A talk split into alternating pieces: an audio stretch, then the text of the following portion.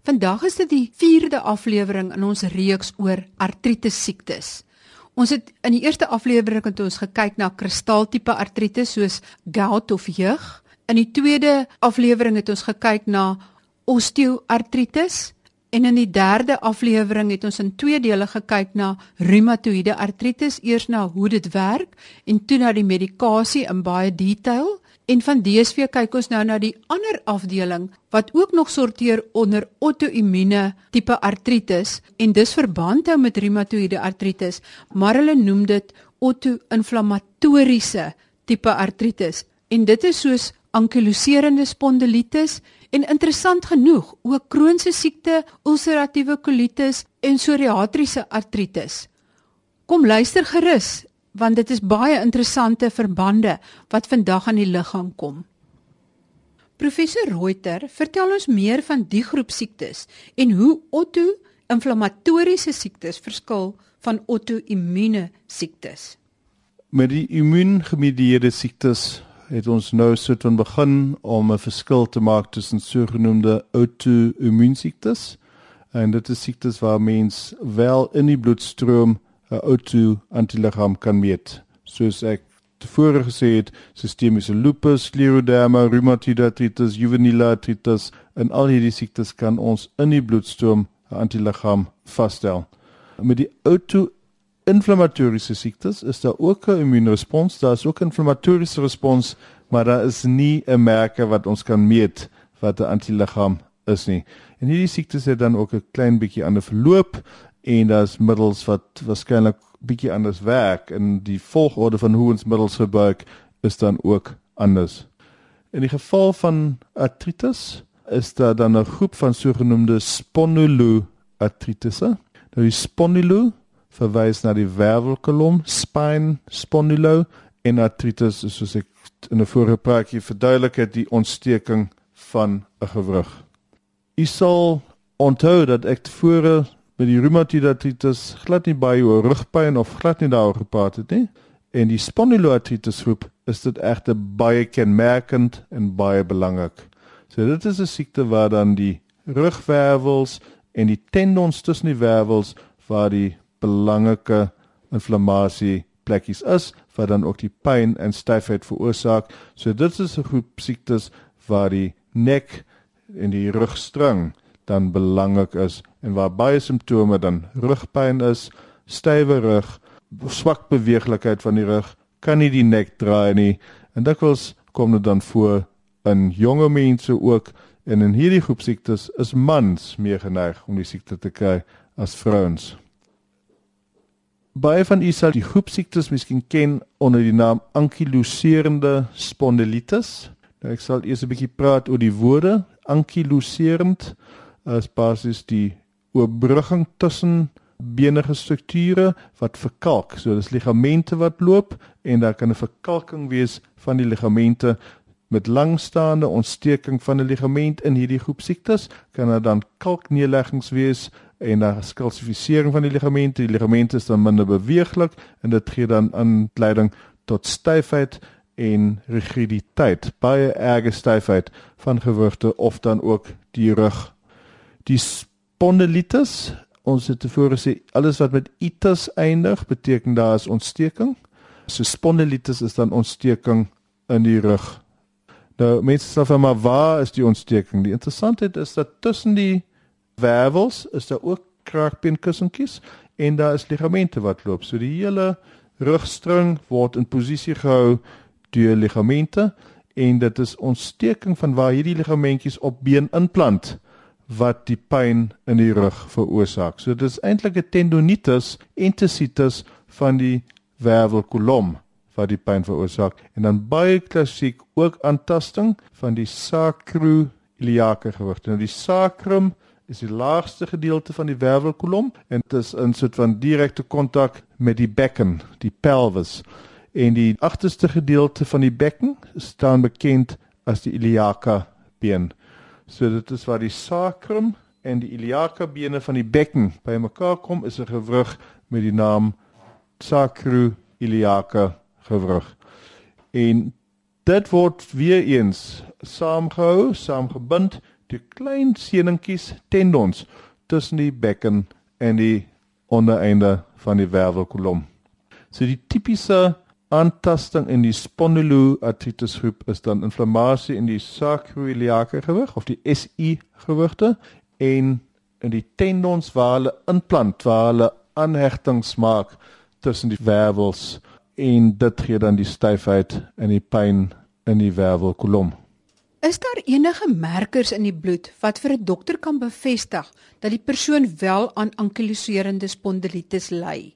In hierdie siekte is daar nie antiliggaam wat ons kan meet nie. Daar is egte genetiese merke wat ons kan meet. Die sogenaamde HLA B27 haplotipe en dit kan in bloed gemeet word en dit veroorsaak dat mense met hierdie spesifieke genetiese merke 'n groter risiko het om die siekte te kry. Hoe algemeen is ankyloserende spondylitis? Hoe baie kom dit voor en kom die merkers voor in al die mense wat ankyloserende spondylitis het? Dit kom in die algemene bevolking, veral van kaukasiese oorsprong, miskien voor in omtrent 10% van die bevolking. In mense met ankyloserende spondylitis kom dit voor in 90% van mense. So daar is 'n groep van 10% wat nog steeds die siekte kan kry sonder hierdie genetiese merke, maar dit is baie meer algemeen as die normale bevolking en die wat wel die siekte het. So 90% verwantskap tussen ankyloserende spondylitis en die merke HLA B27. Nou, daar is egte ander vorms van spondyloartritis ook waar daar nie die verkalking plaasvind nie en waar daar nie noodsaaklik bilaterale sacroiliaque gewig teenwoordig is nie soos 'n mens in ankyloserende spondylitis sien. Ek wil 'n bietjie meer praat oor hierdie toestande. Uh, die eerste wat ek aan dink is 'n siekte met die naam psoriatiese artritis. Nou psoriase is 'n inflammatoriese veltoestand waar daar basies 'n rooi letsel op die vel is met 'n silwerende skilfe. Baie kenmerkend kan dit voorkom oor die elmboog, dit mag voorkom uh, die naaltjie, die gluteale vou, op die kopvel, agter die ore en dit kan dan ook wye gedeeltes van die vel aantas. So dit is 'n velsiekte met die naam psoriase en omtrent 25% 'n kwart van mense met die velsiekte psoriase kan dan ook spondyloartritis ontwikkel of net artritis. So dit is en dit word dan genoem psoriatiese artritis. Mense met hierdie ankyloserende spondylitis of spondyloartritis het dikwels ook aantasting van die oog, 'n siekte met die naam uveitis. Eh, en dit is dan ook oorvleelend. So mense wat begin met 'n inflammatoriese oogsiekte uveitis kan dan later ook spondyloartritis ontwikkel of omgekeerd. Mense met spondyloartritis het 'n verhoogde risiko vir uveitis. Is daar nog ander outoimmuunsiektes wat onder hierdie groep val? 'n Ander interessante samestelling is inflammatoriese darmkanaalsiekte met spondyloartritis en daar's twee spesifieke siektes, een met die naam ulceratiewe colitis waar daar erosiewe letsels in die kolon voorkom, ulceratiewe colitis, inflammasie van die kolon of 'n siekte met die naam Crohn's disease waar daar inflammasie en blidtekenweefsel, soms perforasies en strukture van die darm kan voorkom. So hierdie twee inflammatoriese darmkanaal siektes, ulceratiewe colitis en Crohn's siekte mag dan ook voordoen met ontsteking van die wervelkolom of die gewrigte en dit word dan 'n enteroartritis genoem, 'n darmkanaal artritis. As hierdie siektebeeld waar 'n aantasting van gewrigte in die wervelkolom is en persone onder die ouderdom van 16 voorkom, noem ons dit juveniele spondyloartritis. En die siekte kan verder vorder na die ouderdom van 16, maar die beginpunt is juveniel omdat dit voor die ouderdom van 16 begin het. Ook in hierdie groep siektes, interessante siekte met die naam reaktiewe artritis of ook bekend aan Reite se sindroom. Wat is reaktiewe artritis en waar kom die naam Reiter se siekte vandaan? Nou reaktiewe artritis dit is 'n reaksie op 'n infektiewe onderliggende insident. So dis pasiënte wat dan uh, gastroenteritis enterocolitis, dis inflammasie van die darmkanaal ontwikkel, kan 2 tot 3 weke later artritis of spondylitis of tendonitis ontwikkel en dan dikwels ook 'n rooi oog saam met dit, 'n uveitis of 'n konjunktivitis. En dit is in hierdie triade van 'n infeksie, oogsiekte, tendonitis wat dan die diagnose maak van reaktiewe artritis. Reiter was 'n Duitse dokter in die Eerste Wêreldoorlog en hy het gesien dat die mense soos hulle dysenterie gekry het, Shigella of Salmonella enteritis, inflammasie van die darmkanaal, dat hulle 'n paar weke later skielik erge artritis gekry het en dan dikwels ook die aantasting van die oë en hy het hierdie triade beskryf en dit is hoekom die siekte na hom benoem is, Reiter se sindroom. Ons het totaals wegbewees van hierdie eponieme en noem dit eerder reaktiewe artritis. Interessant genoeg dat in die reaktiewe artritis mag daar dan ook velsiekte voorkom maar dan histologies presies so lyk so psoriase. En ons het weer eens al hierdie siektes word gekoppel deur hierdie genetiese HLA B27 haplotipe wat gemeet kan word in die bloedstroom. Nou daar is heelwat mense wat ook aantasting van die tendons in die rugstring kan kry, wat sarkoiditis kan kry, wat 'n bietjie artritis kry, maar wat nie psoriase het nie, wat nie inflammatoriese darmkanaal siekte het, wat nie uveitis het nie en waar daar nie verkalking van die ligamente plaasvind nie en dit noem ons dan 'n ongedifferensieerde spondyloartritis. Met ankylosiserende spondilitis, is dit die siekte waar mense so al hoe krommer en meer vooroor gebuig raak? Ja, dit is presies wat gebeur as hulle nie reg behandel word nie. Uh dis baie interessant. Dit is 'n siekte met erge pyn in die rug. Dit kan van die nek tot in die koksiks mag daar erge pyn wees. En wat mense vind is dat as hulle vorentoe buig, is die pyn minder erg. So dit sit minder stremming op die ligamente waar daar ontsteking is. So dis die posisie waar hulle die gemaklikste voel. So die ligamente kan dan verkort en dan as hulle verkalk, dan word dit 'n rigiede struktuur. As die verkalkings plaasvind en 'n mens kyk daarna op 'n ekstaal dan lyk dit soos 'n bamboo spine. Dit staan dan ook bekend as bamboo spine disease. Nou dit is wat ons wil vermy. So ons wil weer eens die diagnose maak so vroeg moontlik.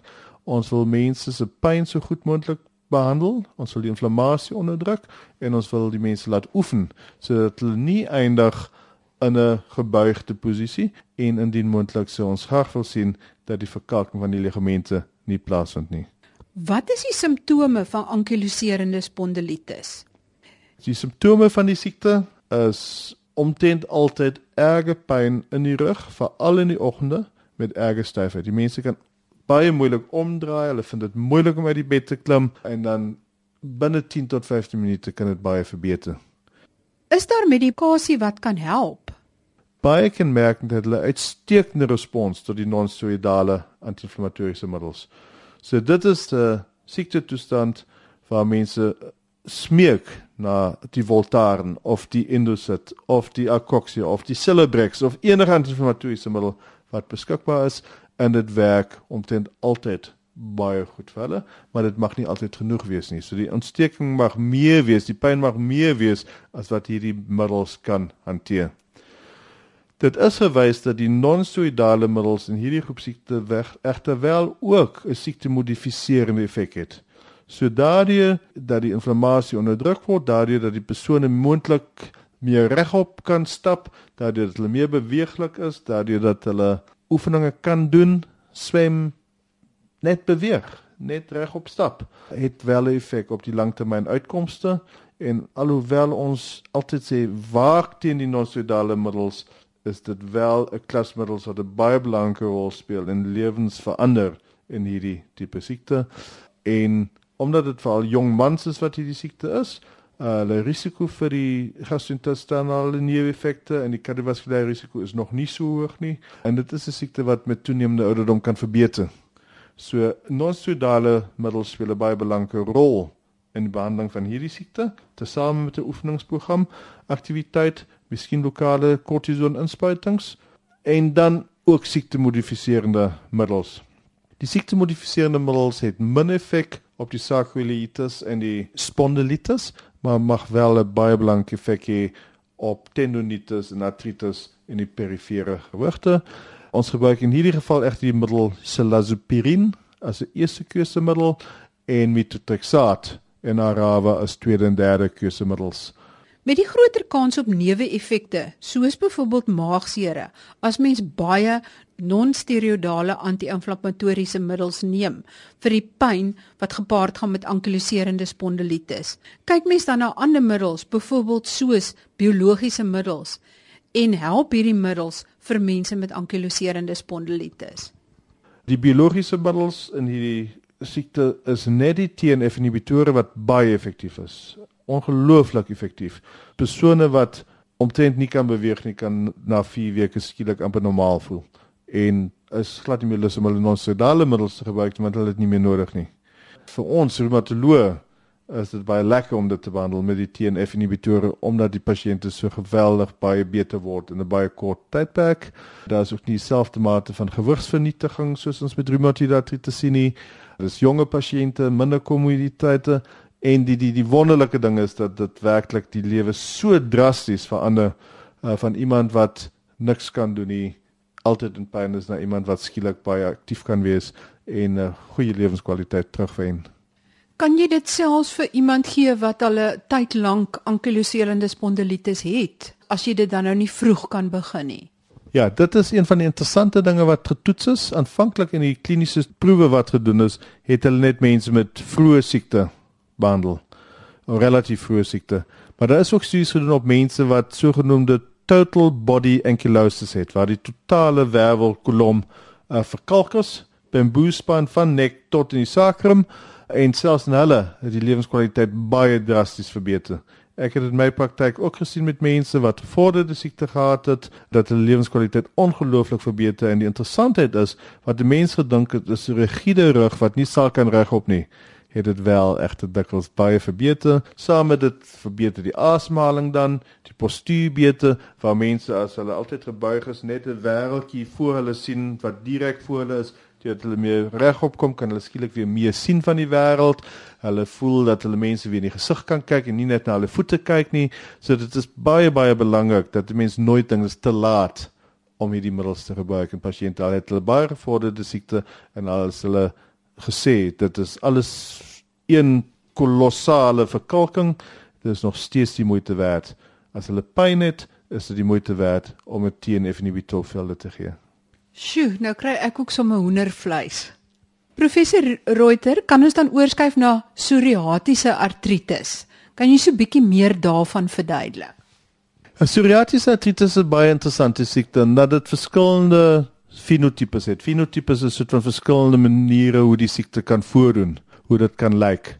Aan die een kant kan dit presies lyk soos ankyloserende spondilitis, dan mag ook ankyloserende effekte wees vir kalking van die ligamente met 'n gebuigde ruggraat met sarkoiditis, maar dikwels is dit nie so uitgesproke nie en dikwels is dit net unilaterale sarkoiditis met net 'n gedeelte van die wervelkolom wat aangetast is, nie die hele wervelkolom nie en dan mag enkele gewigte aangetast word. En anders as in reumatoïde artritis waar die distale vingergewigte gewoonlik nie aangetast word nie, is hier dikwels aantasting van die distale gewigte. Daar's aantasting van die naels ook.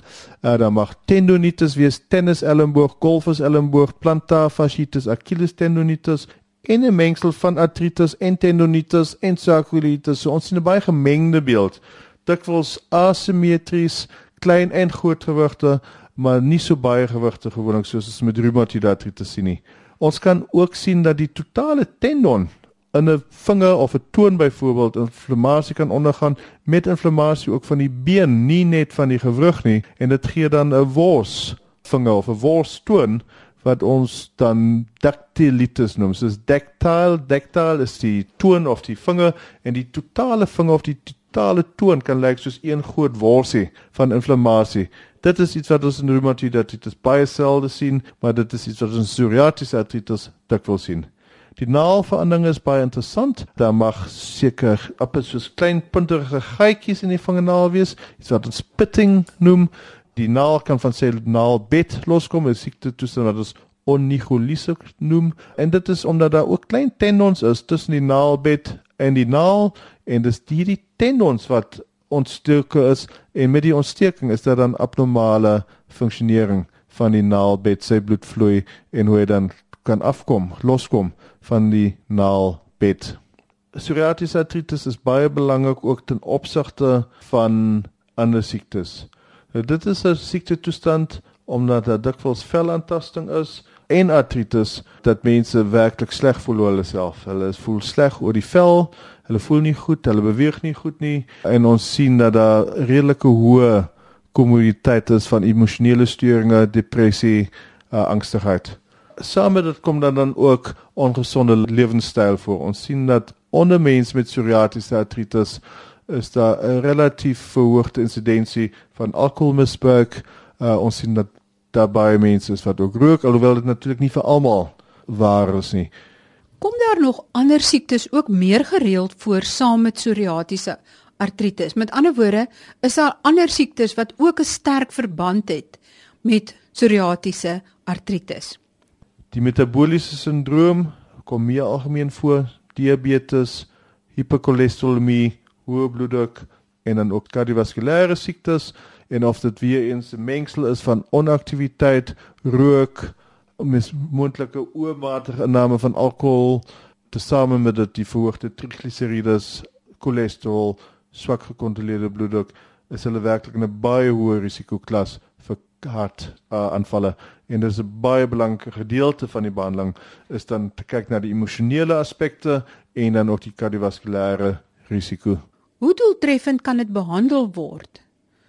Die behandeling kan baie effektief wees. Dis weer eens 'n siekte wat ek graag behandel. Ons gebruik in hierdie siekte toestand methotrexaat wat vir die vel goed werk, wat vir die artritis ook goed werk. Dit word dan gekombineer met sulfasalazine as dit nie alleenlik werk nie en dan die middel wat ek tevore genoem het, leflunomid kan werk en dan weer is die biologiese middels die TNF inhibitore wat in ankyloserende spondilitis goed werk, is ook baie effektief in psoriatiese artritis. Ons het hier ook 'n middel met naam Stellara wat op ander sitokines werk wat byvoorbeeld nie gewys is om effektief te wees in reumatoïde artritis wat egter wel baie goed werk in psoriase, baie goed werk vir die vel, maar ook vir die tendonitis en die artritis wat ons sien. So ons sien weer eens klein bietjie ander sitokines, ander biologiese middels wat wel 'n uitstekende effek kan hê op die uitkoms van psoriatiese artritis. So, werk 'n modderbad of ozon self dan nie.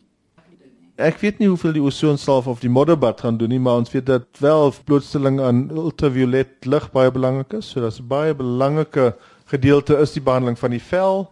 Dit sluit verskillende middels in waar ek nie myself te veel wil uitlaat nie omdat ek te min daarvan weet. Maar blootstelling aan UV lig speel 'n baie belangrike rol. Uh, is belangrik dat mens wel kyk dat die vel vogtig genoeg gehou word.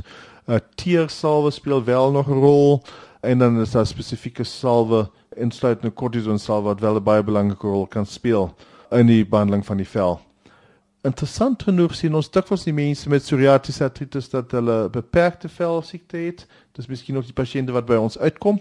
En ek werk altyd saam met dermatoloog. Ek het uitstekende samewerking met die dermatoloog hier in die omgewing en ons verwys na mekaar toe want ek weet nie so baie van die vel nie.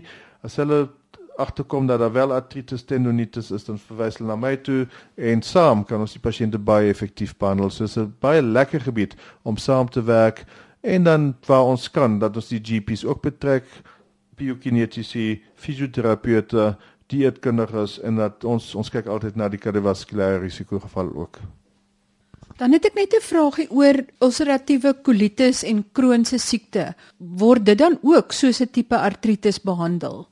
Ja, die interessantheid is dat hierdie inflammatoriese siektes van die darm kan met omtrent dieselfde middels behandel word wat ons gebruik vir reumatoïde artritis. So in die geval van ulseratiewe kolitis mag dit dan ook kortison wees, azathioprine, methotrexat en dan ook die TNF inhibitore en dan dieselfde geld basis vir Crohn's siekte waar daar dan ook sulfasalazine gebruik kan word methotrexat azathioprine cortison en dan ook die TNF inhibitore so dit is basies in sekere mense gaan van die siektes spesifiek die darm aantas met of sonder ander organe en ander mense mag dit die gewrigte aantas met of sonder aantasting van ander organe.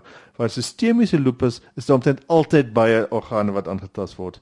Dit is die verskil, maar die outoimmuun siektes is daai opsig baie interessant. Ons sien dan ook in families dat in sekere families daar byvoorbeeld mag die een kind Crohn's siekte hê, die ander kind het 'n uveitis en die ander kant kan dit 'n spondilitis. So dit is weer eens is die interessantheid van beskermende en promoverende genes met miskien klein bietjie verskillende omstandighede, rook, hormone, blootstelling en wat dan maak dat met 'n soortgelyke genetiese kode 'n ander siekte sy gesig uitsteek.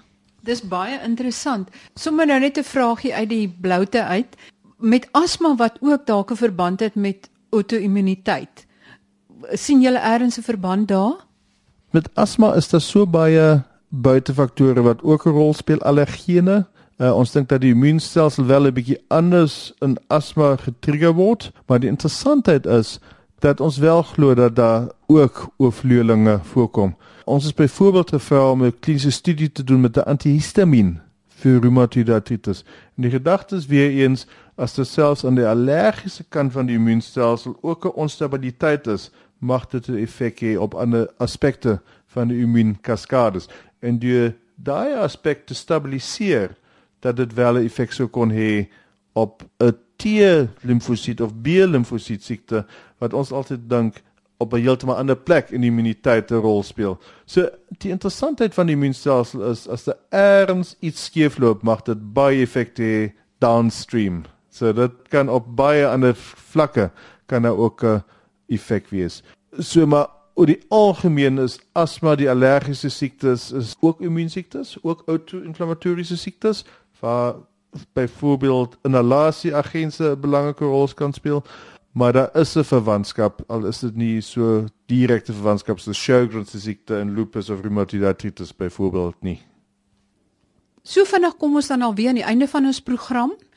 Ek kry baie navrae oor mense wat navraag doen oor die verskillende soorte artritis en mense kan gerus weer gaan luister op die pot gooi na die hele reeks oor artritis. Ek gee vinnig vir julle die datums waarop dit uitgesaai is. Op die 2de April het ons gesels oor kristaltipe artritis. Op die 9de April het ons gesels oor osteoartritis en op die 14de en 21ste Mei het ons gesels oor reumatoïede artritis. As jy weer wil gaan luister, gaan na die pot gooi en soek dit op hierdie datums. Jy kan ook aan my skryf by gesond by rsg.co.za. Dan sal ek vir julle die skakel stuur na hierdie pot gooi om dit vir julle bietjie makliker te maak. As julle enige verdere vrae het oor artritis, stuur dit gerus. Ek gee dit deur aan professor Reuter en dan gaan ons in 'n latere program al hierdie vrae beantwoord. Tot volgende week dan. Totsiens.